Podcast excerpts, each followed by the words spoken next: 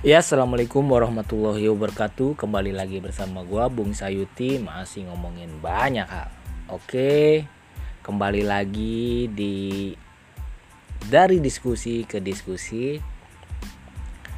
Kali ini gua bak mau ngomong tentang ya diskusi gua kemarin e, minggu kemarin hari Rabu, hari Rabu ya. E, bersama anak-anak hukum di dekat jembatan Grendeng di di samping Sungai Cisadane di Kota Tangerang. E, menarik diskusi tersebut terkait dengan fungsi peran undang-undang undang-undang lah ya.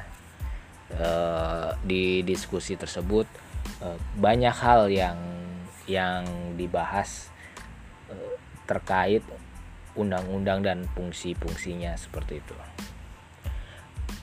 Yang muncul dalam diskusi tersebut eh, yang paling yang paling apa ya yang paling menarik adalah statement dari narasumber atau pematik eh, bahwa di mata hukum di mata hukum tuh Eh, seluruh masyarakat Indonesia itu sama gitu. Tidak dibedakan apakah dia orang kaya, orang miskin atau pejabat sekalipun. Itu kondisi idealnya lah uh, yang yang yang diungkapkan oleh pemateri. Yang menarik kemudian adalah ketika terjadi pembahasan atau ada yang bertanya bagaimana apakah sama e, di mata hukum ketika misalnya kasus pencurian. Kasus pencurian yang dilakukan oleh orang miskin karena terpaksa atau karena lapar dia mencuri dengan orang kaya atau masyarakat yang secara ekonominya cukup namun tetap mencuri ya. misalnya objeknya sama atau barangnya sama. Roti lah seperti itu misalnya mencuri roti. Yang menarik adalah e, bahwasanya memang memang benar gitu ya.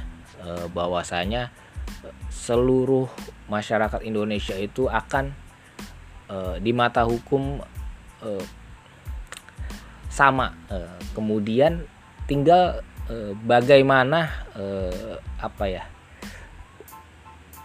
uh, pengacaranya atau tersangkanya membuktikan bagai bahwa dia itu mencuri karena terpaksa gitu. Karena kalau bisa dibuktikan, maka itu adalah faktor pengurang katanya seperti itu. Itu yang yang yang menjadi menarik dalam pembahasan sehingga beberapa kali terjadi diskusi terkait tema tersebut.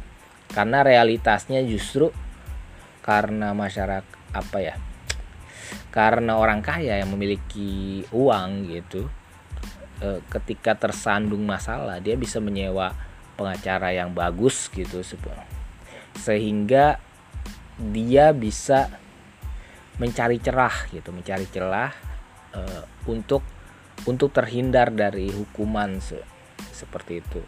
Dan kalau masyarakat miskin kan e, tidak tidak memiliki kekuatan yang sama dengan orang-orang yang memiliki uang untuk menyewa pengacara.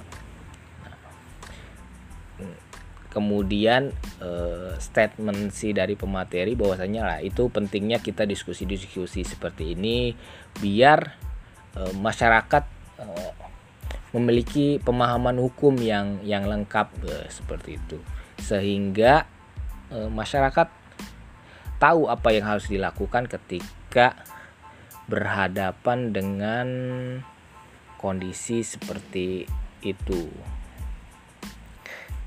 Mungkin e, itu aja yang bisa gue share dari diskusi ke diskusi.